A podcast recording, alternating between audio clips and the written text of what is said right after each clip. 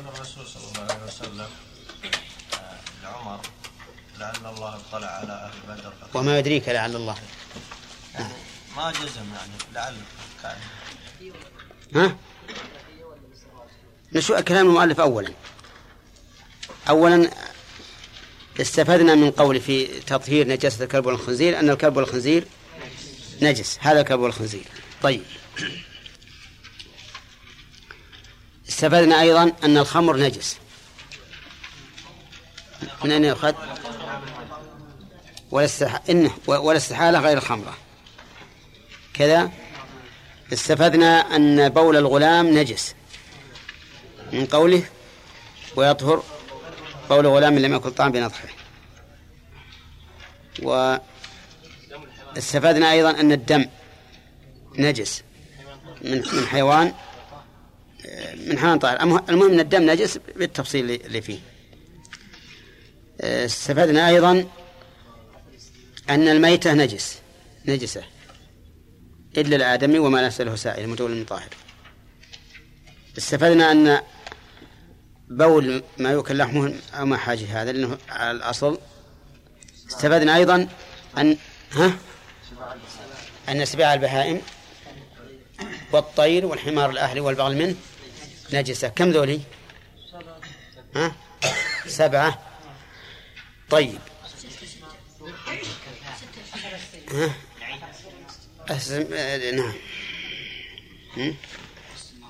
طيب استفدنا أن بول ما لا يؤكل لحمه وروثه ومنيه نجس. أضيفها إلى ما سبق. طيب هذا هذا واحد. نرجع مرة ثانية. هذه النجاسات ما الذي يجب في تطهيرها؟ على كلام المؤلف. في الماء. الماء لا تطهر بشمس ولا ريح ولا دلك ولا استحالة. طيب. ثانيا هل العدد شرط أو لا؟ على كلام المؤلف شرط. سبع. وإحداء بالتراب في نجس الكلب والخنزير. ها؟ طيب. في غير الأرض. في غير الأرض. طيب. آه، نجس لكنه بس آه، ها؟ إي. لأنه يشترط فيه النضح. لكنه ينضح على كلام المؤلف سبع مرات. لأنه نجس إلا أنه لا يجب غسله. نعم. طيب. فيه أيضا استفدنا أن الشيء قد يطهر بغير الماء وهو الخمر إذا تخلل. هذا واحد. ها؟ كيف؟ والعلقة ما ذكرها المؤلف صح. ما ذكر لكن ذكر فيما سبق الماء الماء النجس الكثير إذا زال تغيره بنفسه. ما مر علينا هذا؟ طيب. الماء النجس الكثير إذا زال تغيره بنفسه فإنه يطهر مع أنه ما ما طهر بماء. طيب. وكذلك إذا زاد على القلتين ونزح منه وزال التغير بالنزح فإنه أيضا يطهر كما سبق. آه الأشياء اللي يعفى عنها نشوف كلام المؤلف. ها؟ إذا نزح بقي أكثر إذا بقي بعده كثير بعد النزح كثير طيب. الذي يعفى عنه آه أولا يسير الدم النجس من الحيوان الطاهر ثاني عن أثر الاستجمار بمحله باقي شيء هنا شيء. ها؟ إيه، وأيضا المعفو عنه بشرط أن يكون في غير مائع ولا مطعوم هذا ظاهر نبي اللي يعفى عنه من النجاسات. طيب القول الراجح في هذه المسائل نرجع إليه نشوف أولا نبدأ بنجاسة الكلب والخنزير. ما القول الراجح؟ أن الكلب سبع والخنزير كغيره من كغيره من النجاسات. كغيره من النجاسات. ثانيا هل يشترط التسبيع في غير الكلب على القول الراجح؟ لا يشترط. الذي يشترط زوال عين النجاسة فقط. زوال عين النجاسة فإذا زالت عين النجاسة طهرت. طيب هل تطهر النجاسات بغير الماء؟ على القول الصحيح نعم. ومنه الاستجمار خلافا لكلام المؤلف. فإن الاستجمار مطهر. طيب. وقد وردت السنة بتطهير أسفل النعل والخف بالحك بالتراب وذيل المرأة. وعلى هذا فالقول الراجح أن أن أنه متى زالت عين النجاسة بأي مزيل زال حكمها وطهرت. طيب. نعم. لا ما يبقى. إذا زالت بالكلية يعني زالت جرمها بالكلية.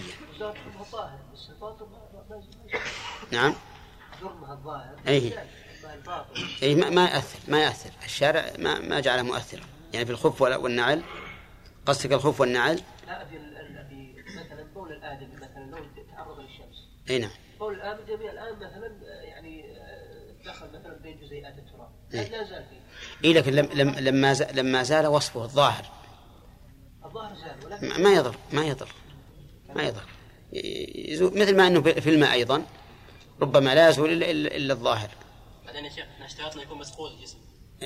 هذا هذا بالمسح. طيب المهم متى زالت عين النجاسة؟ طهرت. طيب. في شيء بعد؟ نعم الخمر. القول الراجح أنها طاهرة وليست بنجسة. بول غلام كغيره. يعني نجس لكن يكفي فيه النظر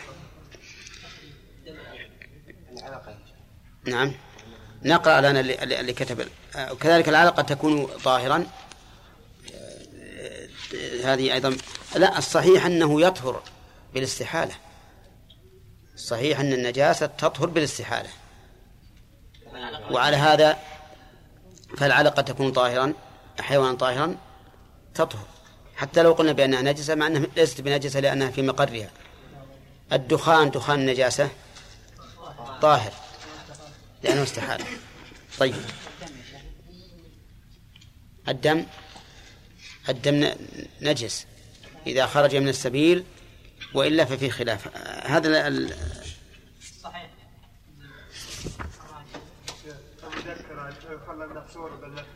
أيهن.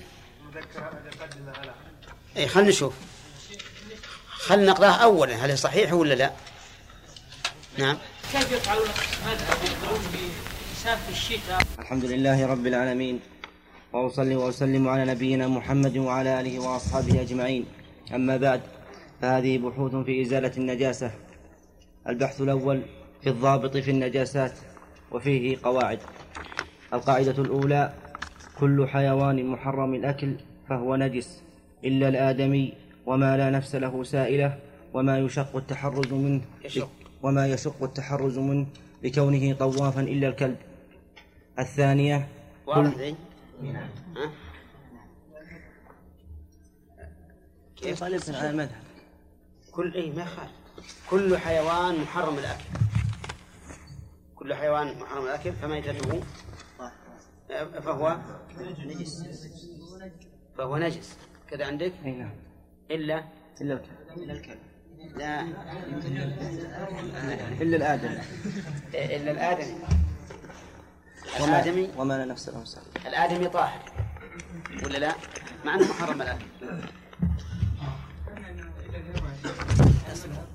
اصبر يا أخي إحنا نتكلم الآن على النجس. اقرأ كل حيوان محرم الأكل فهو نجس إلا الآدمي وما لا نفس له سائلة وما وما يشق التحرز منه لكونه طوافا إلا الكلب. زين. صحيح؟ طيب. ما في حتى غير تدخل هنا. لقوله وما كان طوافا يشق التحرز منه إلا الكلب. الكلب لأن الرسول عليه الصلاة والسلام أمر بغسله مع أنه يعلم أنه طواف وأن كلب الصيد والحرث والماشية دائما مع مع, مع الناس. طيب هذه يستثنى منها شيء؟ يعني هل هناك أشياء تستثنى غير الثلاثة؟ ها؟ نعم. ما له ما متولد من طاهر؟ نعم على المذهب. متولد من طاهر. والصحيح أنه لي- ليس بشرط بناء على أن النج- الطهارة تأثر على أن النجس يطهر بالاستحالة. نعم. ال- الآن هذا ماشي على القول الراجح الثانية كل ما خرج من جوف محرم الأكل فهو نجس إلا مني الآدمي. وريقه ومخاطه ولبنه وما خرج مما ميتته طاهرة. زين. واضح؟ كل ما خرج من بدن إيش؟ محرم. محرم الأكل. فهو نجس. كل ما خرج من بدن محرم الأكل فهو نجس. آه كالبول والروث. وما أشبه ذلك. فبول الحمار وروثه ومنيه نجس. ها؟ إيش؟ وريقه فيه خلاف ويمكن يدخل في القاعدة السابقة. إنه هذا مما يشق التحرز منه لكونه طوافا. نعم. يدخل في القاعدة الأولى وكلامنا الآن الخارج منه. إلا مني الآدم بعد؟ وريقه وريقه ومخاطه ومخاطه ولبنه ولبنه وما خرج مما ميتته طاهرة. وما خرج مما ميتته طاهرة. مثل السمك أي والجسم نعم. دم السمك. والجراد والمذكر. وكذلك نعم. البق والبعوض وما أشبه ذلك. ها؟ المذكر. لا المذكى ما, ما يسمى. نعم. دم الإنسان يعني؟ أي ما ما استثني هنا بي- بيجي ها؟ كل ما خرج من الإنسان فهو طاهر. كل ما خرج من, من الإنسان من يعني من غير البول والغائط. ولهذا لا لو قلنا في مسألة الآدم خاصة لو قلنا النجس من- مما خرج من الآدم هو البول والغائط و والدم إلا أنه يرفع عن يسيره والدم أيضا على قول الجمهور. لأن بعض العلماء يقول أنه مو مو نجس. لا؟ لا لأن لأن لأن الدم عند الجمهور نجس. ما خرج من السبيلين أعم من من البول لا أيضا ما ما, يصلح. ليش؟ لأنه الريح تخرج من السبيل وليست بنجس. إذا معناها القواعد هذه تحتاج إلى تحرير. تحتاج إلى تحرير. المذي نجس. ما ذكر خ- خارج من من من الإنسان. ما ذكره طهارته. إي. لا تحتاج إلى تحرير. إذا معناها انها لازم نجي- نحررها بعدين. خلها القاعدة تبقى. القاعدة الثالثة. ها؟ كل استثناء اللي هو لا هذه القاعدة ليس الأول. أيهن؟ الثالثه الثالثة جميع الميتات. ها؟ كل ما خرج من جوف محرم الأكل فهو إلا مني الآدمي وريقه. جميع الميتات نجسة إلا الآدمي وحيوان البحر وما لا نفس له سائلة. مضبوط هذا؟ مضطردة هذه؟ قال كل الميتات نجسة. إلا الآدمي؟ وما نفس له سائلة. وماتة البحر. طيب. الدليل ان الميتات نجسة أظن موجود في الآية. قل لا أجد فيما أوحي إلي محرما على طعام يطعمه إلا أن يكون ميتة أو دما مسفوحا أو لحم خنزير فإنه رجس. يعني فإن المذكور رجس. يعني نجس. طيب إلا الآدمي الآدمي طاهر. ميتته طاهرة. الدليل؟ الأصل. قوله عليه الصلاة والسلام اغسلوه. اغسلوه بماء وسدر اغسلوه بماء وسدر اغسلنها ثلاثا أو أربعا أو خمسا أو سبعا رأيت من ذلك. ولو كان نجس العين لما فاد. ما أفاد الغسل شيئا. إذا أبي هريرة. وحديث أبي هريرة نعم. المؤمن لا ينجس حيا ولا ميت. طيب. الثاني ما لا نفس له سائلة. الدليل. إذا وقع الذباب في شراب أحدكم فليغمس. تمام. والثالث ميتة البحر. الأصل أحل لكم صيد البحر وطعامه متاعا لكم وللسيارة. قال ابن عباس طعامه ما أخذ ميتا. هنا طيب. الرابعة كل جزء انفصل من حيوان ميتته نجسة فهو نجس. إلا الشعر والصوف والوبر والريش وكذا العظم والقرن والقرن والظفر عند شيخ الإسلام ابن تيمية. هذا؟ كل هذا صحيح؟ كل شيء انفصل منين؟ من حيوان ميتته نجسة من حيوان ميتته نجسة فهو نجس. وهذه قاعدة ما أبين من حي فهو كميتته. فكل كل جزء انفصل من حيوان ميتته نجسة فهو نجس. كذا؟ طيب المنفصل من البقرة. نجس؟ نجس. لا نجس ما في تفصيل. لأن ميتتها نجسة. اصبر مستثنى مستثنى. ما بعد وصلناه طيب المنفصل من الآدمي. طاهر. المنفصل من الآدمي طاهر لأن ميتته طاهرة. ما المنفصل من الأجزاء والأجزاء. الأجزاء. نعم. لأن ميتته طاهرة. طيب. المنفصل من الحوت. لأن ميتته طاهرة. زين. المنفصل من الجراد.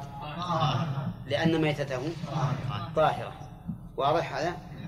استثنى إلا الشعر والريش والوبر والصوف أصبر. هذه متفق عليه لقوله تعالى ومن أصوافها وأوبارها وأشعارها أثاثا ومتاعا إلى حين الفرق بين الأربعة هذه الريش في الطائر والوبر في الإبل والشعر في المعز والبقر والصوف في الضأن هذا الفرق طيب. يقول وإلا آه القرن وكذا القرن. والعظم والظفر شيخ الإسلام. على اختيار شيخ الإسلام ابن تيمية. الظفر واضح إنها إنه مستثنى. يعني أيضا ينبغي أن يستثنى لأنه لا تحله الحياة فهو كالشعر. العظم العظم يقول الشيخ الإسلام إنه طاهر. وكذلك الظفر واضح. العظم استدل على طهارته بأن العظم ليس فيه دم. فهو كالذي ليس له نفس سائلة. فإذا كان الذي ليس له نفس سائلة يطهر يعني لا ينجس بالموت فهذا العظم لا ينجس بالانفصال. لا ينجس بالانفصال. واضح؟ لكن المشهور من المذهب أنه ينجس. المشهور المذهب أنه ينجس وذلك لأن العظم وإن كان ما فيه دم لكن الحياة تحله. أما الشيخ فيقول ال- المدار كله على الدم. المدار كله على الدم. الذي لا نفس له سائل إنما كان طاهرا لأنه ليس فيه دم. العظم ما فيه دم فيكون طاهرا ولو انفصل من من الحي. طيب. خامسة الدم. إذا كان من حيوان ميتته نجسة فهو نجس. إلا أصبر. إذا كان من حيوان ميتته نجسة. هذا يخرج دم من آدمي. دم الآدمي لأن ميتته ظاهرة. دم السمك طاهر دم دم ما ليس ما لا نفس له سائلة يسلم لا. له لكن ما هو بيسيل يا إخوان. الذباب له دم والبعوض له دم لكن ما يسيل. أي نعم. طيب. جمعنا ت- تجيب لك سطل بعوض تجمع دمه نعم. نعم. إلا الآدمي في خلاف. أي- وش يقول عندك؟ اقرأ اقرأ. الدم إذا كان من حي... من حيوان ميتته نجسة فهو نجس. إلا دم الآدمي وفيه خلاف. نعم. السادسة؟ السادسة. ما تحول من الدم كالقيح والصديد ونحوه وفيه وفيه خلاف. والصحيح أنه ليس بنجس. ما تحول من دم مثل القيح والصديد وماء الجروح. كل هذا طاهر. حتى لو أصاب الثوب وصار الثوب يعني شسف كما يقول العامة فإنه طاهر. إيش اسمه؟ شسف يعني صار يتكسر. يبس عليه. نعم. ها؟ لا. لا لا. مراد الدم اللي الجروح هذا الجرح أول ما يكون أحمر ثم يتحول إلى مادة. إي نعم. طيب. السابعة خمر. السابعة الخمر وكل مسكر مائع نجس. وكذا الحشيشة وفيه خلاف. هذا ذكرنا ان الصحيح عدم النجاسة. نعم. البحث الثاني في في أقسام النجاسات. النجاسات على ثلاثة أقسام. الأول النجاسة المغلظة كنجاسة الكلب وكذا الخنزير على المذهب فلا بد فيها من سبع غسلات إحداها بالتراب. الثاني النج... الثاني النجاسة المخففة. كنجاسة بول بول الغلا- الغلام الذي لم يأكل الطعام فيكفي فيها النضح. ومثلها على القول الراجح المذي. المذي على القول الراجح يكفي فيه النضح. أي نعم. القسم الثالث النجاسة المتوسطة وهي ما سوى ذلك من النجاسات على البدن والثوب والأواني ونحوها فلا بد فيها من زوال عين النجاسة. وهل يشترط في إزالة النجاسة أن تكون بالماء وأن تكون بعدد معين؟ المشهور من المذهب أنه لا بد من الماء وأن تكون بسبع غسلات. باقي شيء؟ بقية ها؟ بحثين. عشان عندنا فرائض كله يوم وليلة وأكثره خمسة عشر يوما وغالبه ستة وغالبه ستا أو سبع وأقل طهر بين حيضتين ثلاثة عشر يوما ولا حد لأك ولا حد لأكثره وتقضي الحائض الصوم على الصلاة ولا حيضة ولا يصحان منها بل يحرمان ويحرم وطئها في الفرد بل فإن فعل فعليه فإن فعل فعليه دينار أو نصف كفارة. إيش؟ دينار؟ دينار أو نصفه أو نصفه أو نصفه كفارة. نصفه. أو نصفه كفارة. ويستمتع منها بما دونه. بس. بسم الله الرحمن الرحيم. الحمد لله رب العالمين. والصلاة والسلام على نبينا محمد وعلى آله وأصحابه أجمعين. ما هو الحيض؟ أو السن الذي يمكن أن يقع فيه الحيض. السن الذي يمكن يقع فيه الحيض بعد انتهاء التاسعة. ها؟ بعد انتهاء التاسعة. بعد تمام تسع؟ بعد تمام تسع سنوات إلى الخمسين. بعد الخمسين. هذا العدد نعم. بعد ما بعد تمام تسع سنوات إلى خمسين سنة. بعد الخمسين ينقطع الحيض. يعني يعني لا ابتداؤه التسع سنوات. لا نعم. وانتهاؤه الخمسين خمسين سنة. ما هو الدليل؟ الدليل العادة. آه. يكون العادة أن لا يأتي الحيض إلا بعد تسع سنوات مم. إلى الخمسين سنة. العادة الغالبة نعم هي العادة الغالبة طيب. أثر عن الشافعي في هذا الم... في هذا المقام أو في هذه المسألة كلام. قال رأيت جدة لها 21 وعشرون سنة. رأيت جدة لها إحدى وعشرون سنة. ما ذكرت. جدة. كيف ذلك؟ هي أم أم ها؟ حارت آه، حارت لتسع سنوات وولدت لعشر. وبنتها حارت لتسع سنوات وولدت لعشر. نعم؟ كم صار؟ عشرين. وسنة الحمل وجابت بنت. صارت؟ واحد وعشرين سنة. جدة لها واحد وعشرون سنة. طيب. إذا كان هذا هذا هو الدليل. ووجدنا امرأة حارت قبل تسع سنوات فماذا يكون حيضها؟ أي نعم. امرأة حارت لأقل من تسع سنوات. فعلى المذهب لا يكون حيض. ما لا يكون حيضا أي نعم. وحكمه حكم؟ حكم الدم. أي دم؟ آه، ليس له يعني حكم ها. حكم حكم الاستحاضة حكمه حكم الاستحاضة وسيأتي إن شاء الله بيان حكمها. بعد خمسين سنة امرأة استمر مع الحيض حتى تم لها خمسون سنة. قل يا فماذا يكون هذا الحيض؟ يكون ك- كالدم شيء خارج ما يعتبر حي هذا خمسين وش حكمه؟ مكسا كالدم أي دم؟ دم استحاضة ها؟ كالدم الخارج من من- طيب أي دم؟ رعاف يعني كالرعاف ولا شلون؟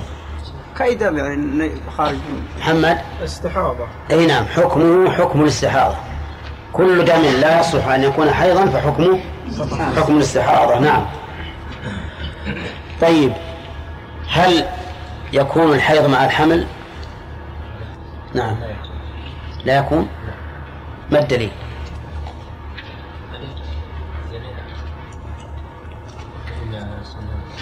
من السنة أو من ال- اللي تبي. المذهب لا يكون إيه وش الدليل؟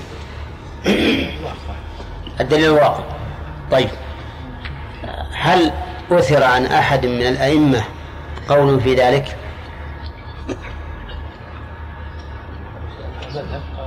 المذهب فهمنا هذا لكن هل أحد من الأئمة السابقين أثر عنه قول في ذلك؟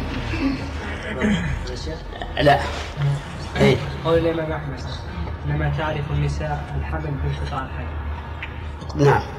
قول الإمام أحمد إنما تعرف النساء. الحمل بانقطاع الدم. نعم؟ طيب. لا في دليل. ولا يا شيخ طيب. أي آية؟ ولا تلحم ولا دليل وجه الدلالة؟ الدليل أن لو كان هناك حيض لا. لجعل العد على الحيض طيب. ما هو؟ لا توطى حامل حتى تحيض ولا غير حامل حتى لا توطى حامل حتى تضع. نعم. ولا غير حامل حتى تحيض إيه. وش وجه الدلالة؟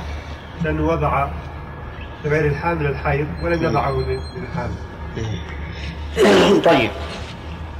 هذه ثلاثة أدلة يعني دليل من القرآن وكلام الإمام أحمد ليس بدليل لكنه لا شك أنه إمام وقوله له وزنه ولكنه ليس بدليل.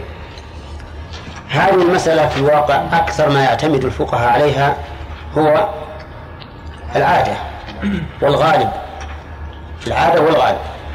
قالوا والعادة والغالب لها أثر في الشرع. فالرسول عليه الصلاة والسلام قال للمرأة المستحاضة امكثي قدر ما كانت تحبسك حيضتك. فرجع فردها إلى العادة.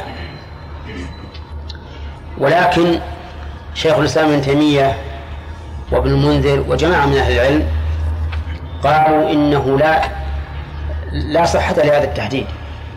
إنه لا صحة لهذا التحديد. وأن المرأة متى رأت الدم المعروف عند النساء بأنه حيض فهو حيض. لعموم قوله تعالى ويسألونك عن المحيض قل هو أذى فاعتزلوا النساء في المحيض ولا تقربوهن. فقوله قل هو أذى هذا حكم معلق بعلة وهو الأذى. فإذا وجد هذا الدم الذي هو الأذى وليس دم العرق الذي لا يتأذى به الناس وليس له رائحة كريهة ولا نتن فإنه يحكم بأنه حيض. وقال تعالى ولا والمطلقات يتربصن بأنفسهن ثلاثة قروء وقال واللائي يئسن, يئسن من المحيض. يئسن من المحيض. ما قال اللائي بلغن خمسين سنة قال يئسن من المحيض من نسائكم إن ارتبتم فعدتهن ثلاثة أشهر واللائي لم يحضن. لا تستعجل تجيب لنا شيء من كيسك يا. طيب. فلما كان الله عز وجل رد هذا الأمر إلى أمور معقولة معللة وجب أن يثبت الحكم بوجود هذه الأمور المعقولة المعللة وينتفي بانتفائها.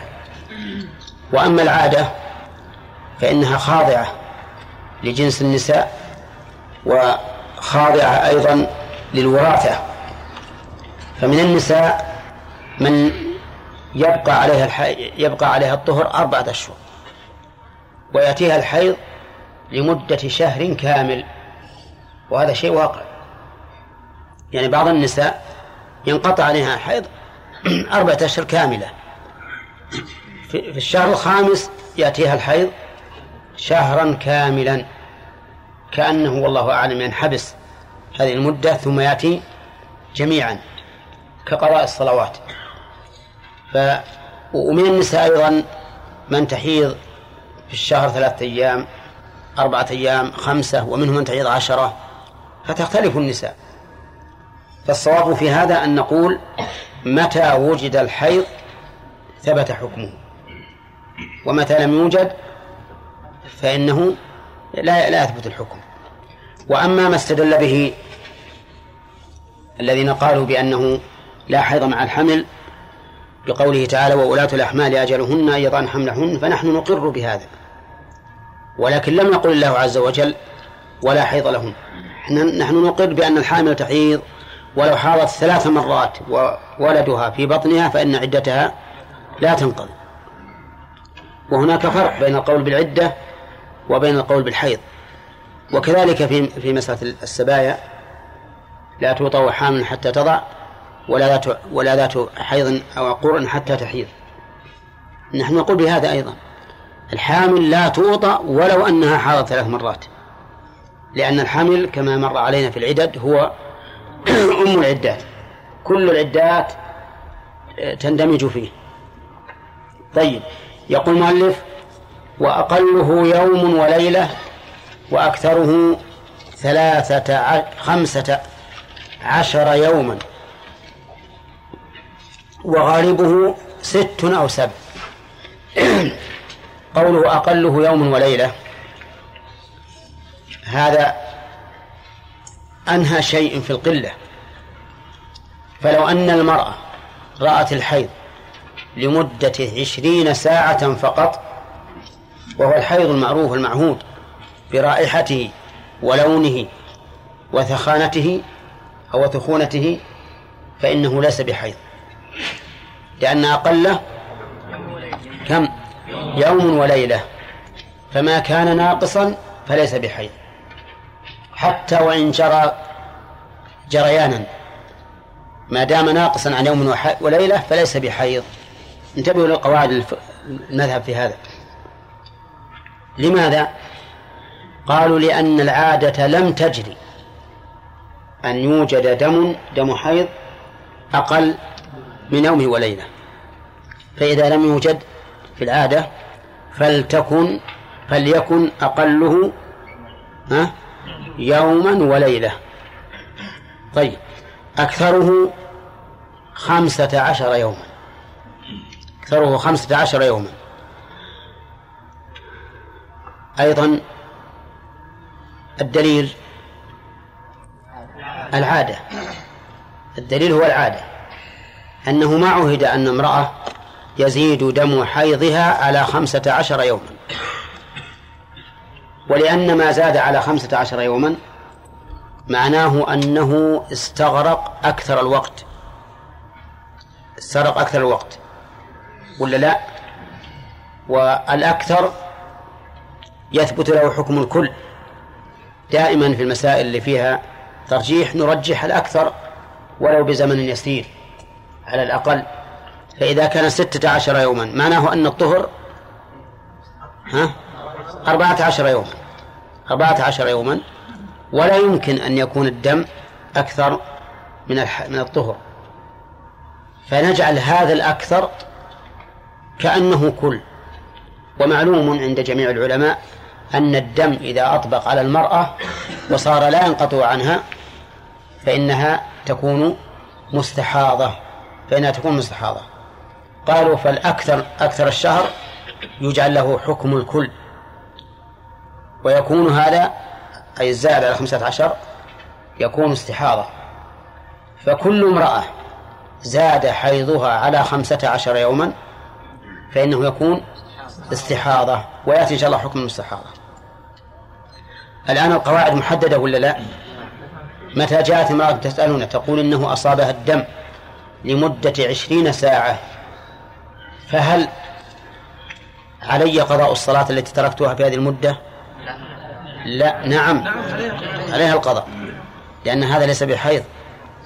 ليس بحيض. فهي جلست في زمن طهر. واضح؟ طيب. امرأة زاد الدم على خمسة عشر يوما فجاءت تسألون نقول الآن أنت مستحاضة. أنت مستحاضة. فلا تجلسي لا تجلسي هذه المدة. والمستحاضة سيأتينا إن شاء الله أنها ترجع إلى عادتها أو تمييزها أو أو غالب النساء طيب يقول المؤلف ها؟ له حكم طيب. يتضح ذلك بأن نقول. إذا حاضت المرأة جميع الشهر يعني إذا أتاها الدم جميع الشهر فهي مستحاضة بالاتفاق. فهمت؟ إذا حاضت أكثر الشهر فالأكثر يجعل له حكم الكل. وعلى هذا فتكون مستحاضة لأنها أكثر المدة فيها دم. فتكون مستحاضة. جعل للأكثر في حكم الكل. واضح؟ طيب. يصير 14 يوم ها؟ يصير 14 يوم الحيض و16 يوم الاستحاضة. خطأ. نحكم بأنها مستحاضة ثم عاد نرجع لأحكام المستحاضة الآتية إن شاء الله. المهم أن نحكم بأنها مستحاضة. ثم عاد إن كان لها عادة رجعت إلى عادتها وإلا إلى تمييزها وإلا وإلا إلى غالب النساء. أي نعم. المهم أن نفهم بأنها مستحاضة. مرة ثانية ما زاد ما نقص عن يوم وليلة فليس بحيض. ما زاد على خمسة عشر يوما فهو استحاضة. فهو استحاضة ليس بحيض لكن نقول هو استحاضة. ما أتى مع الحمل؟ لا. ليس بحيض.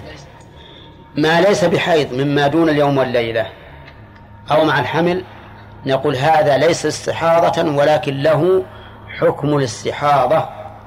ومن ومن الفقهاء من يطلق عليه أنه دم فساد. دم فساد إنما حكمه حكم الاستحاضة. طيب. أقل الطهر بين الحيضتين يوم ثلاثة عشر يوما. إيه. وغالبه ست أو سبع. غالب الحيض ست أو سبع. هذا صحيح. لثبوت السنة به حيث قال الرسول عليه الصلاة والسلام للمرأة المستحاضة تحيضي في علم الله ستا أو سبعا. ستا أو سبعا. وهذا أيضا هو الواقع. فإن غالب الحيض عند النساء فإن فإن الحيض عند غالب النساء يكون ستة أيام أو سبعة. طيب أقل الطهر بين الحضتين ثلاثة عشر يوما. أقل الطهر بين الحيضتين ثلاثة عشر يوما. فلو أن امرأة طهرت من حيضها وبعد وبعد اثني عشر يوما جاءها الدم. فهذا ليس بحيض. ليش؟ لأن أقل الطهر بين الحضتين ثلاثة عشر يوما. طيب امرأة أخرى طهرت من الحيض وأتاها الحيض بعد عشرة أيام. أتاها الدم بعد عشرة أيام. ليس بحيض. لأن أقل الطهر ثلاثة عشر يوما. فالدم الذي تراه المرأة بعد طهرها من الحيض قبل ثلاثة عشر يوما ليس بحيض ولكن له حكم الاستحاضة. له حكم الاستحاضة. واضح؟ الدليل الدليل ما روي عن علي رضي الله عنه أن امرأة جاءت وقالت إنها انقضت عدتها في شهر. فقال علي بن شريح اقض فيها. قال إن جاءت ببينة من بطانة أهلها ممن يعرف دينه وخلقه يعني فهي تقبل وإلا فلا. فقال علي قالون. قالون. يعني جيد. لكن بلغة الروم. قالون هذه جيد بغير ما هي عربية. لماذا؟ إذا إذا إذا كان لها شهر وادعت أنها انتهت عدتها. هذا بعيد. ولا لا؟ بعيد أنه ت- تحيض ثلاث حيض وبينها الأطهار. في شهر. فلما كان قولها بعيدا احتاجت إلى بينة. إلى بينة. كيف نوزع الح- الحيض الثلاث والأطهار على شهر؟ حاضت يوم ليلة هذا أول يوم. طهر ثلاثة عشر يوم كم مضى من الشهر؟ أربعة عشر. حاضت خمسة عشر يوم ليلة كم بقي؟ أربعة عشر بالتأكيد أو خمسة عشر. طهر ثلاثة عشر يوم. ها؟ كم بقي؟ بقي يوم أو يومين. حاضت يوم ليلة الحيضة الثالثة. انتهت العدة. انتهت العدة لكن هذا نادر جدا. فالمرأة مثلا بالمناسبة إذا ادعت أنها انقضت عدتها بالحيض إذا ادعت هذا بأمر معتاد بزمن معتاد فإننا نقبل قولها. يعني جاءت بعد الطلاق بشهرين ونصف مثلا. وقالت إنها انتهت عدتها. نقبلها. ولا نطلب البينة. لأن الله تعالى جعل النساء مؤتمنات على عددهن. فقال والمطلقات يتربصن بأنفسهن ثلاثة قروء. ولا يحل لهن أن يكتمن ما خلق الله في أرحامهن إن كن يؤمن بالله واليوم الآخر. امرأة مطلقة. لما مضى عليها ثمان- ثمانية وعشرون يوما جاءت تقول إن عدتها انقضت. نردها. ما نسمع دعواها أبدا. لماذا؟ لأن هذا مستحيل. ما دمنا قعدنا قواعد. أقل الطهر يوم. أقل ثلاث يوم وليلة وأقل الطهر ثلاثة عشر يوما فلا يمكن أن تنقضي العدة بكم؟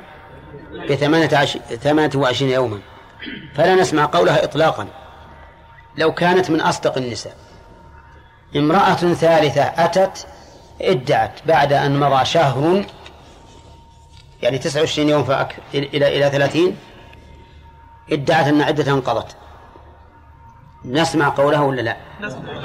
نسمع قولها دعواها. نسمع دعواها ولا نقبل قولها. نسمع دعواها ولا نقبل قولها. كيف؟ نسمع الدعوة ولا نقبل القول يعني معناه أن القاضي يلتفت له. هذا ما نسمع الدعوة. يلتفت وينظر في القضية. فيقول ليش نشوف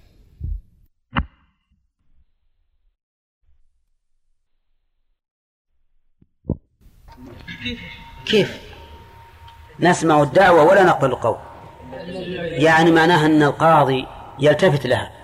هذا ما نسمع الدع- الدعوة. يلتفت وينظر في القضية فيقول ائت بشهود أما في الأولى إلى صارت 28 يوم ها؟ أصلا ما يسمع. يقول يلا يا شرطي طلعها برا. ليش؟ لأن هذا غير ممكن. فكيف أني, أني أمضي وقتي أنا أيها القاضي بالنظر في هذه القضية اللي مستحيلة حسب القواعد اللي إحنا ذكرنا. أفهمتم الآن؟ طيب. فصار ادعاء المطلقة انقضاء عدتها بالحيض له ثلاث حالات. إما أن تقبل بلا بينة أو لا تسمع إطلاقا. هذان ضدان. أو تسمع ولا تقبل إلا ببينة. إي نعم نعم إذا جاء الدم للمرأة بعد بعد الطهور قبل 13 يوم لماذا لا نستفسر إن كان يعني الدم هذا مميز أو لا؟ يعني قد يأتيها في الثاني عشر ونستطيع أن نميز يعني يكون رائحته. إحنا إحنا الآن قررنا المذهب وإن شاء الله سوف نذكر القول الراجع بس ودنا نكمل فهم المذهب ولهذا أنا أرى إني ما أذكر لكم خلاف في هذا الباب. نذكر قواعد المذهب أولا حتى تعرفوه وبعدين بين الصحيح لأن القول الصحيح بسيط سطرين ما بشيء نبت نعم؟ لأن لأن حقيقة تفاصيل الحيض من أصعب ما يكون على طالب العلم. مع أن الأحكام يترتب عليها كثيرة.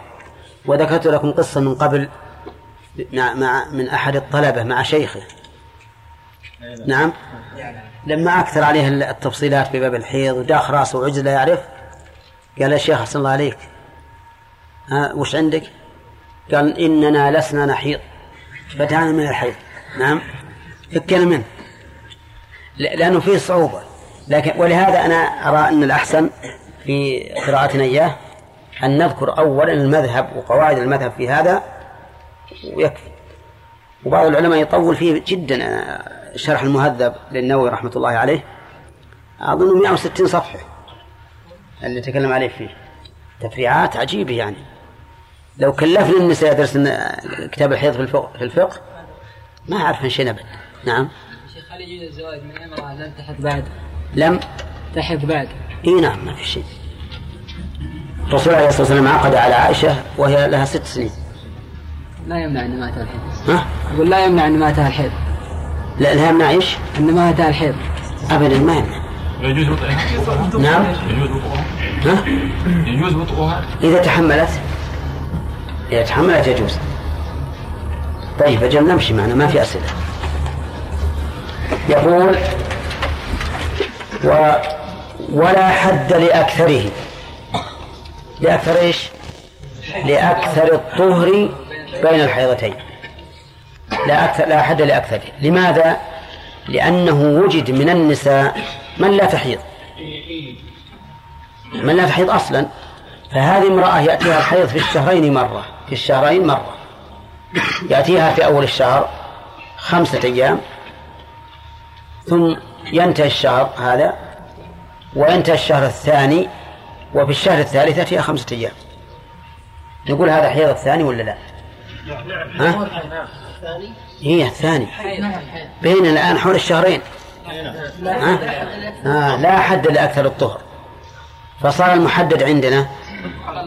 نشوف كم. أولا أول السن أول سن الحيض.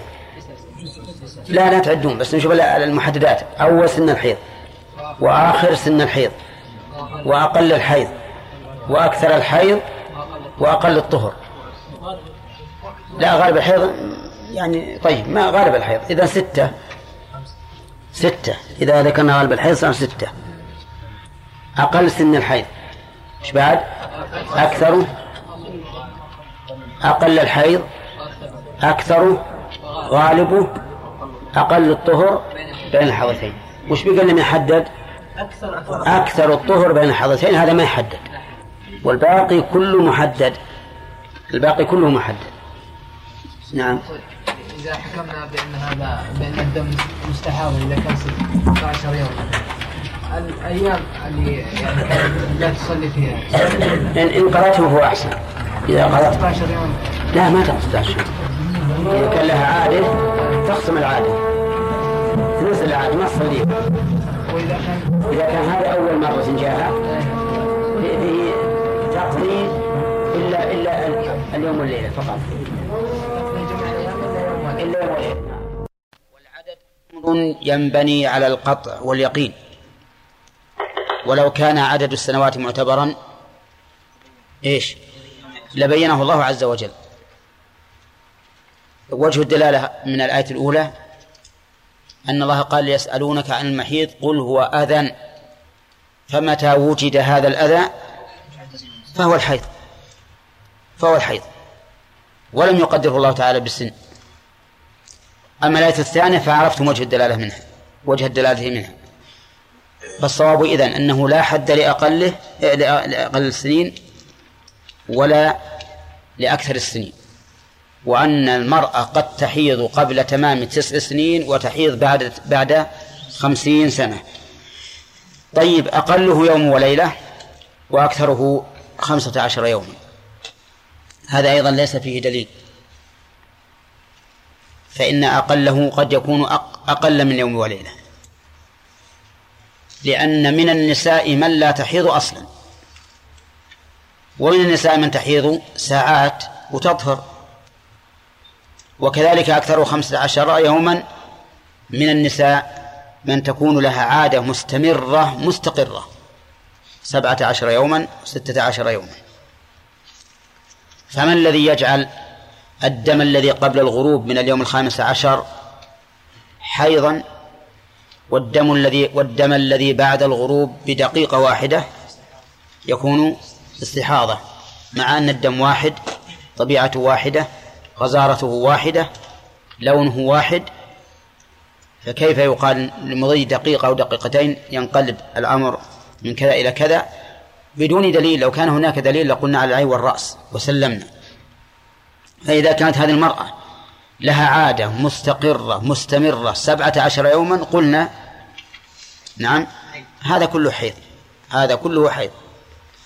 أما لو استمر الدم معه كل الشهر أو كان متقطعا يعني يأتي ساعات وثلاث ساعات إلى إلى الشهر كله فحينئذ نقول هذه مستحاضة ونعاملها معاملة المستحاضة كما سيأتي. أكثره نعم. غالبه ست أو سبع هذا صحيح ولا لا؟ هذا صحيح للحديث الصحيح والواقع. وأيضا إحنا نقول غالب ما حددنا. يعني لو قالوا الغالب أنه لا حيض قبل تسع سنين والغالب أنه لا حيض بعد خمسين لكان الأمر صحيحا. لكن أن نحدد هذا ما لا بد من دليل. غالبه ما حددنا في الواقع. قلنا الغالب ست أو سبع. قد يزيد على الست والسبع وقد ينقص. طيب أقل الطهر بين الحيضتين ثلاثة عشر يوما. من أين علمنا ذلك؟ الأثر عن علي رضي الله عنه وكذلك الواقع كما يقولون. والصحيح أنه لا حد لأقله كما اختاره شيخ الإسلام ابن تيمية ومال إليه صاحب الإنصاف وقال إنه الصواب. لأن من النساء من تكون حيضتها قليلة والطهر بين بين الحدثين معها قليل أقل من ثلاثة عشر يوما. وهذا شيء يرجع إلى عادة المرأة نفسها. طيب يقول لا حد لأكثره. صحيح؟ نعم صحيح. ثم بدأ المؤلف رحمه الله لما ذكر الحيض مدته وزمنه آه ذكر. ها؟ نعم إيه. ولا مع حمل. ولا مع حمل هذا أيضا ذكرنا آه، أن تعليل الفقهاء لذلك أنه لا يوجد في العادة حيض مع حمل. واستدلوا أيضا بقوله تعالى وأولاة الأحمال أجلهن أن يضعن حملهن. مع قوله المطلقات يتربصن بأنفسهن ثلاثة قروء. وذكروا نص الإمام أحمد رحمه الله. ولكن الصحيح أنه يمكن الحيض مع الحمل. إلا أن الحيض مع الحمل يجب التحفظ فيه. وهو أن المرأة إذا استمرت تحيض حيضها المعتاد على سيرته التي كانت قبل الحمل فإننا نحكم بأن هذا حيض. أما لو انقطع عنها الدم ثم استأنف وهي حامل فإن هذا ليس بحيض. لكن لو استمر معه امرأة أتاها الحيض في الشهر الأول وفي الثاني على ما كان يأتيها من قبل. هل نقول لهذه تصلي وليس الذي معها حيض؟ نقول لا. لكن لو أورد علينا مورد وقال أرأيتم لو حاضت ثلاث مرات الحيض المعتاد بطبيعته وترتيبه وهي حامل هل تحكمون بانقضاء عدتها؟ ها؟ لا. لماذا؟ لقوله وأولاة الأحمال أجلهن أن يضعن حملهن. ولهذا لاحظوا أن أن عدة العدة بالحمل تقضي على جميع العدات. أرأيتم عدة المتوفى عنها كم؟ أربعة أشهر وعشر. والحامل بوضع الحمل. لو تضع بعد موت زوجها بدقيقة واحدة انقضت عدتها ولو بقيت أربع سنوات بعد موته لم تنقضي عدتها. طيب. يقول المؤلف وتقضي الحائض الصوم للصلاة. استفدنا من هذه العبارة أربعة أحكام. أولا أن الحائض لا تصوم ولا تصلي. هذان حكمان. لا تصوم ولا تصلي. وثانيا أنها تقضي الصوم ولا تقضي الصلاة. أما قوله أما استفادتنا أنها تقضي الصوم دون الصلاة فمن منطوق كلام المؤلف.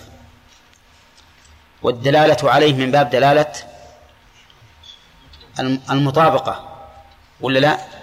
وأما استفادتنا أنها لا تصوم ولا تصلي فمن دلالة لا والتضمن من دلالة الالتزام. لأن من لازم قوله تقضي أنها لم لم تفعل. أنها لم تفعل. فهو دلالة بالالتزام ودلالة إشارة هذه أربعة أحكام. فالحائض لا تصوم ولا تصلي. لقول النبي صلى الله عليه وسلم لما سألته النساء ما نقصان دينها قال أليس إذا حاضت؟ لم تصلي ولم تصم. وأجمع المسلمون على ذلك على أنها لا تصلي ولا تصوم. طيب. وأما كونها تقضي الصوم ولا تقضي الصلاة فهو أيضا محل إجماع. اعتمادا على النص. سئلت عائشة رضي الله عنها ما بال الحائض تقضي الصوم ولا تقضي الصلاة؟ قالت كان يصيبنا ذلك فنؤمر بقضاء الصوم ولا نؤمر بقضاء الصلاة. والصحابي إذا قال نؤمر أو ننهى أو أمر الناس أو نهي الناس أو ما أشبه ذلك فله حكم الرفع قوله هذا له حكم الرفع واضح؟ أما ما الحكمة في أنها تقضي الصوم ولا تقضي الصلاة؟ فقال العلماء لأن الصوم لا يأتي في السنة إلا مرة واحدة. الصوم لا يأتي إلا مرة واحدة. وأما الصلاة فتتكرر كثيرا. فإيجاب الصوم عليها أسهل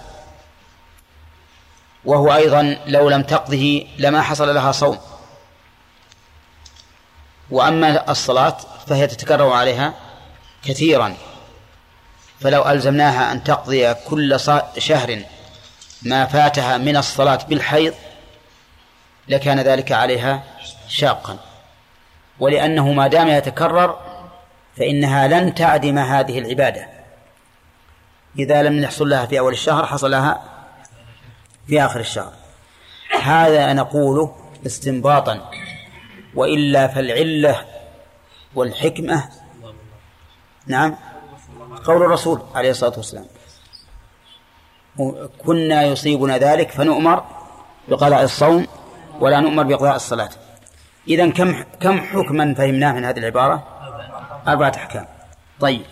قال ولا يصحان منها. هذه غير غير كلمة أنها لا تصلي. لأنه قد يقال لا تصلي يعني لا يجب عليها الصوم والصلاة. لكن لا يصحان منها. لو صامت أو صلت ما صحت الصلاة واضح فلو أن الحائض ذكرت أن عليها فائتة قبل أن يأتيها الحيض وقضت هذه الفائتة هل تبرأ ذمتها بذلك؟ ها؟ لا تبرأ وإنما مثلت بالفائتة لأن الفائتة واجبة عليها والحاضرة ها؟ غير واجبة ساقطة فهذه امرأة حائض ذكرت أن عليها فائتة قبل الحيض قبل الحيض. نقول لو قضتها لم تصح. واضح؟ طيب الصوم. قالت أنا أحب أن أصوم مع الناس وأتحفظ في الحيض. أجعل حفاظه على الفرج حتى لا ينزل الدم. ولكني أحب أن أصوم مع الناس. فصامت ها؟ غير صحيح؟ نعم غير صحيح. للحديث الذي أشرنا إليه. قال بل يحرمان عليها. هذا حكم زائد على ما سبق. يعني يحرمان لا يجبان ولا يصحان ويحرمان ويقضيان. لا يقضيان. آه. يقضى واحد وهو الصوم دون الصلاة. تمام؟ طيب. بل يحرمان عليها. بل يحرمان عليها. الدليل أنهما يحرمان لأن كل ما لا يصح فهو حرام. ليس كل حرام فاسدا لكن كل فاسد حرام. قال النبي عليه الصلاة والسلام كل شرط ليس في كتاب الله فهو باطل وإن كان مئة شرط. فكل شيء باطل فهو حرام وليس كل حرام باطلا. تلقي الجلب مثلا تلقي الجلب. ها؟ تلقي الجلب. ياسر يعرفه. ها؟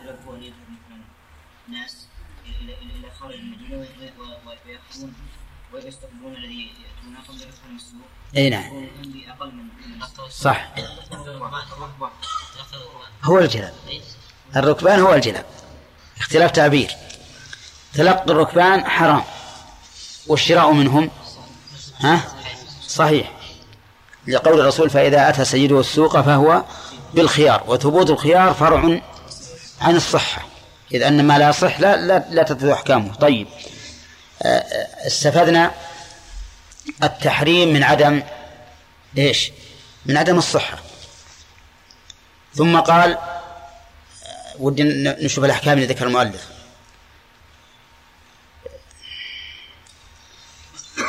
تحريم الصوم والصلاة. فساد الصوم والصلاة.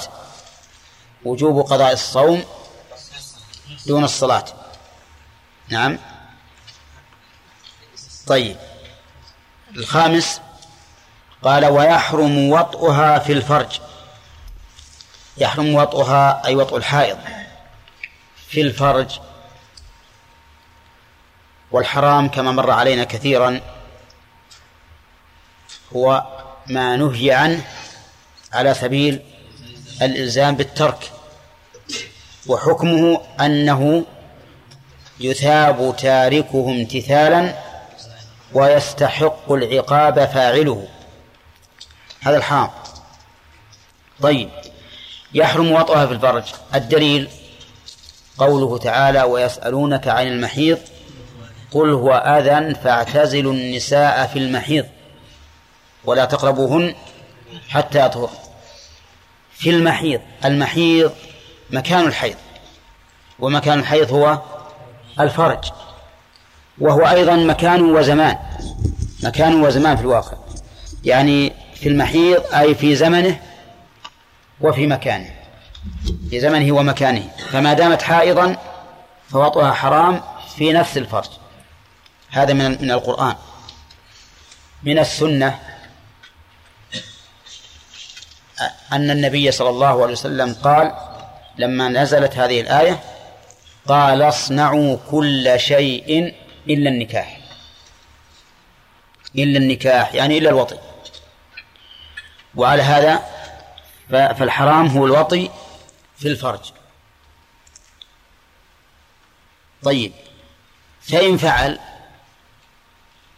يعني جامع في الفرج فهو آثم ولا لا؟ آثم أي مستحق للإثم. مستحق للإثم. ولكن عليه كفارة فإن فعل فعليه دينار أو نصفه كفارة. عليه تدل على إيش؟ على الوجوب. تدل على الوجوب. دينار أو نصفه الدينار هو العملة من الذهب. وزنة الدينار الإسلامي مثقال من الذهب. فيجب عليه أن يتصدق بدينار من الذهب أو بنصفه. على التخيير ولا على الترتيب؟ على التخيير. لأن الأصل في أو أنها للتخيير. هكذا جاء في حديث رواه أبو داود والحديث اختلف العلماء في تصحيحه فصححه جماعة من أهل العلم حتى قال الإمام أحمد ما أحسنه من حديث. وقال أبو داود حين رواه هذه هي الرواية, هي الرواية الصحيحة. وضعفه بعض العلماء. وقال إنه ضعيف حتى قال الشافعي لو ثبت هذا الحديث لقلت به. ولهذا كان القول بوجوب الكفارة من مفردات مذهب الإمام أحمد رحمه الله. والأئمة الثلاثة كلهم يرون أنه آثم بدون كفارة. ولكن الحديث صحيح. لأن رجاله كلهم ثقات. وإذا كان الحديث صحيحا فلا يضر أن ينفرد الإمام أحمد به. فالصحيح أن الكفارة واجبة. على الأقل نقول إنها واجبة احتياطا. إنها واجبة احتياطا. ولكن كم الدينار؟ قلنا مثقال من الذهب. والجنيه السعودي مثقالان إلا قليلا. يعني فنصف جنيه سعودي يكفي. فيسأل عن قيمته في السوق. فإذا قالوا الجنيه السعودي يسوى مثل مئة صار الواجب عليه خمسين أو خمسة وعشرين أو سبعة وعشرين إنها تقريبا. وها إلى الفقراء يدفع إلى الفقراء. يعني كفارة تدفع إلى الفقراء. طيب المرأة هل عليها كفارة؟ المؤلف سكت عنها. فقيل لا كفارة عليها لأن النبي صلى الله عليه وسلم قال فليتصدق بدينار أو نصفه. وسكت عن المرأة. وقال بعض العلماء بل المرأة عليها ما على الرجل إن طاوعته. لأن الجناية واحدة فكما أن عليه ألا يقربها فعليها ألا تمكنه. فإذا مكنته فهي راضية بهذا بهذا الفعل المحرم. وقياسا على بقية الوطء المحرم فهي إذا زنت باختيارها يقام عليها الحد وإذا جامعها زوجها في الحج فسد حجها إذا كان قبل التحلل الأول. وكذلك في الصيام يفسد صيامها إذا طاوعت. فكما أنها تشارك الرجل فيما يجب بالوطن المحرم في بقية المسائل فهذه مثلها. وسكوت النبي صلى الله عليه وسلم عن ذلك وتعليق الحكم بالرجل قد نقول إن هذا لا يقتضي الاختصاص بالرجل لأن من المعروف أن الخطاب الموجه للرجال يشمل النساء والموجه للنساء يشمل الرجال إلا إلا بدليل. ثم قال ويستمتع منها بما دونه. يستمتع من؟ الرجل أو الدم؟ لأنه يقول وإذا انقطع الدم ولم تغتسل لم يباح. لا لا. يقول ويحرم وطئها في الفرج فإن فعل نعم إذا الضمير يعود على الواطئ. ولا لا؟ وقوله يستمتع منها بما دونه هذا إذا كانت تحل له كالزوج والسيد. وقول بما دونه أي بما دون الفرج. فيجوز أن يستمتع بها بما فوق الإزار. وبما دون الإزار إلا أنه ينبغي ألا يستمتع بها إلا وهي متزرة. لأن النبي صلى الله عليه وسلم كان يأمر عائشة أن تتزر فيباشرها فيباشرها وهي حائض. يأمرها أن تتزر لئلا يرى منها ما يكرهها إليه من آثار الدم. وإذا شاء يستمتع بها بين الفخذين مثلا فلا بأس. فإن قلت كيف تجيب عن قول الرسول عليه الصلاة والسلام يا رسول الله ماذا يحل للرجل من امرأته وهي حائض؟ قال ما فوق الإزار. وهذا يدل على أن الاستمتاع يكون مما فوق الإزار. فالجواب على ذلك أن نقول إن هذا على سبيل التنزه أو نحمله على من لا يملك نفسه. إما على سبيل التنزه والبعد. أو نحمله على من لا يملك نفسه لأننا لو مكناه من الجماع مثل بين الفخذين مثلا ربما لا يملك نفسه أن يجامع في الفرج إما لقلة دينه وإما لقوة شهوته.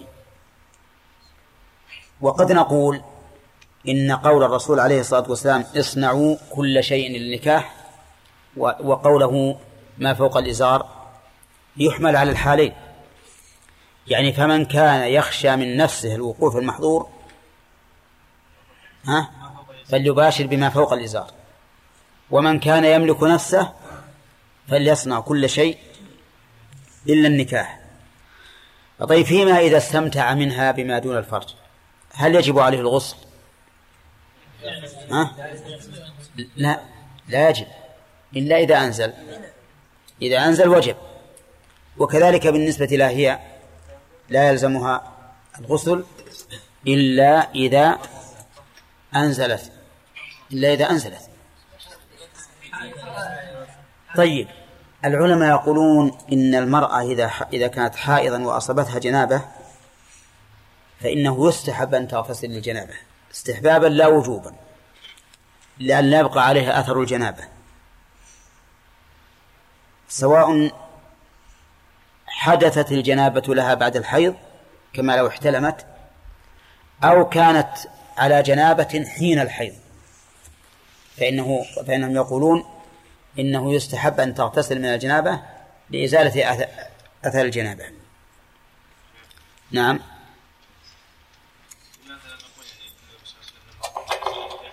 نعم.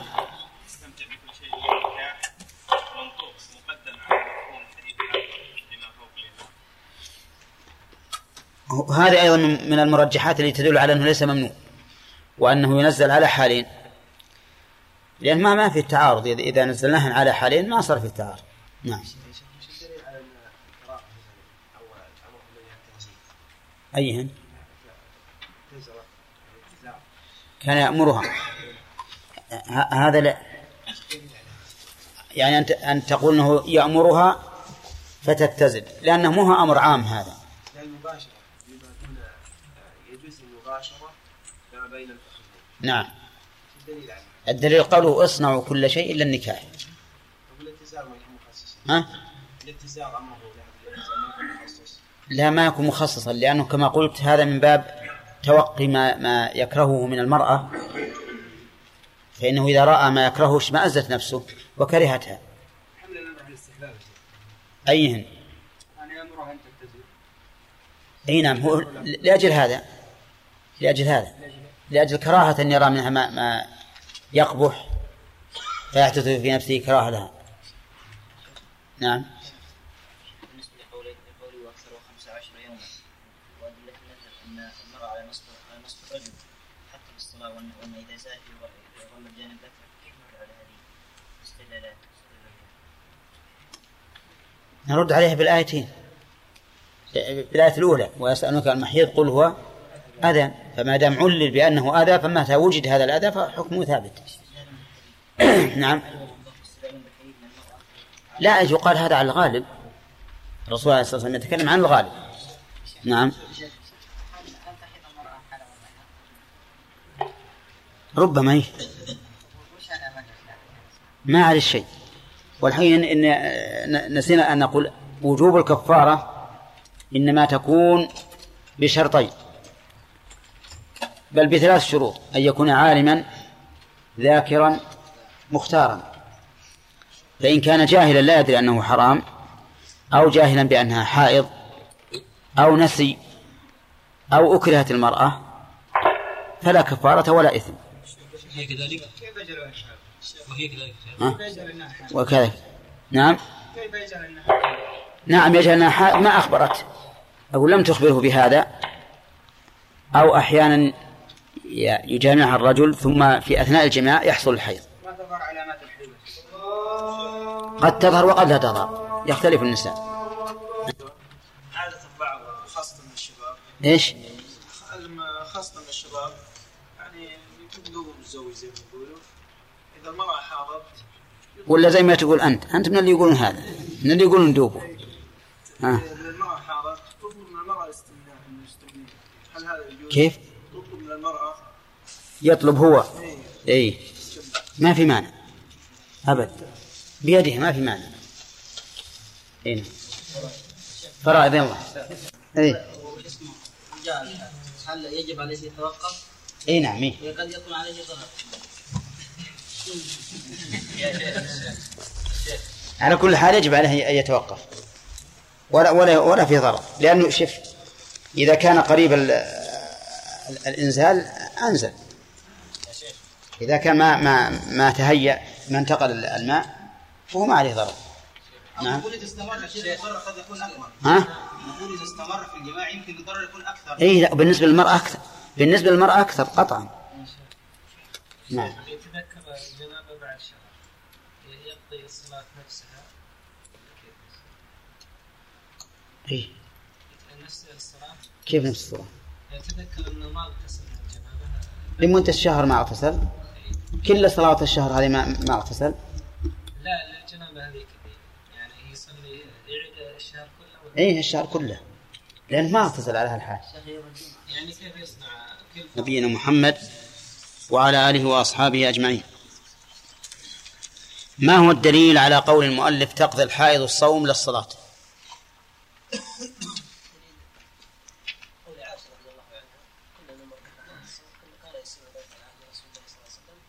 حين سئلت ما بال الحائض؟ قالت إيه. طيب. هل يصح منها أن تصوم؟ لا يصح. ما الدليل؟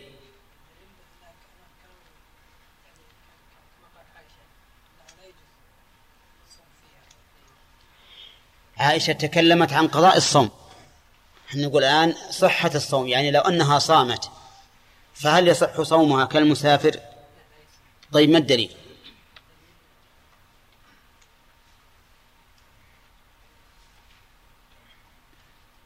شيبة. قول الرسول صلى الله عليه وسلم أليس؟ أليس ناقصات؟ أليس؟ إذا حاضت؟ إذا حاضت لا تقضي الص- لا تقضي الصلاة لا تقضي الصوم لا لا. لا تص- لا لا تصوم؟ لم تصلي ولم تصم. وهذا تقرير. وفيها أيضا إجماع العلماء يعني العلماء مجمعون إجماعا لا خلاف فيه بأنه لا يصح منها الصوم. طيب وهل يحل لها أن تصوم؟ صوم نفل مثلا. محمد؟ لا يحل. لماذا لا يحل؟ ما الدليل يعني؟ أصلا إذا كان لا يصح فكل شيء لا يصح فهو فهو حرام. أولى هذه قاعدة بيناها لكم. كل شيء لا يصح فهو حرام. وليس كل شيء حرام لا يصح. طيب. ما حكم وطئ الحائض عادل؟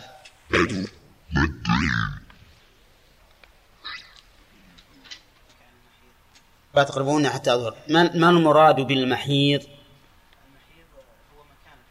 مكان الحيض. نعم. لزمنه أيضا. نعم. حديث عبد الله. انه إنه يحرم وطئها في الفرج. طيب ما دون الفرج؟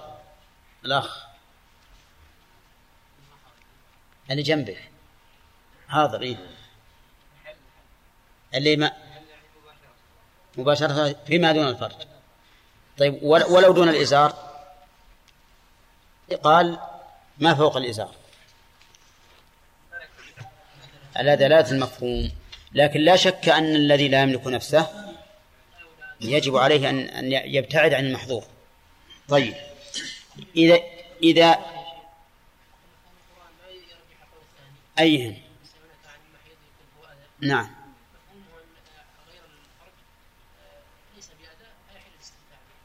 نعم ربما يقال لكن قد يقول قائل الله قال لا تقربوهن.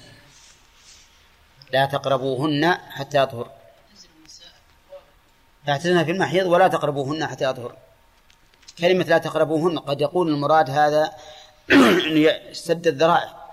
ولهذا لما قال لا تقربوا الزنا حرم على الرجل أن ينظر المرأة أجنبية خوفا من الوقوع فيه. هنا نعم طيب نشوف.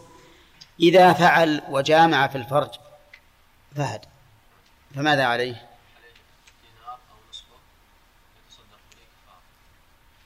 الدينار كم وزنه من الذهب؟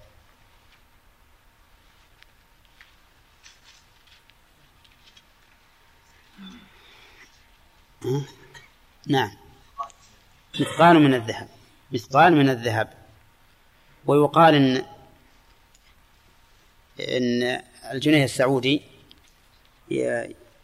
حوالي مثقالين جنيه الذهب السعودي حوالي مثقالين لأنه 11 عشرة ونصف عشرة ونصف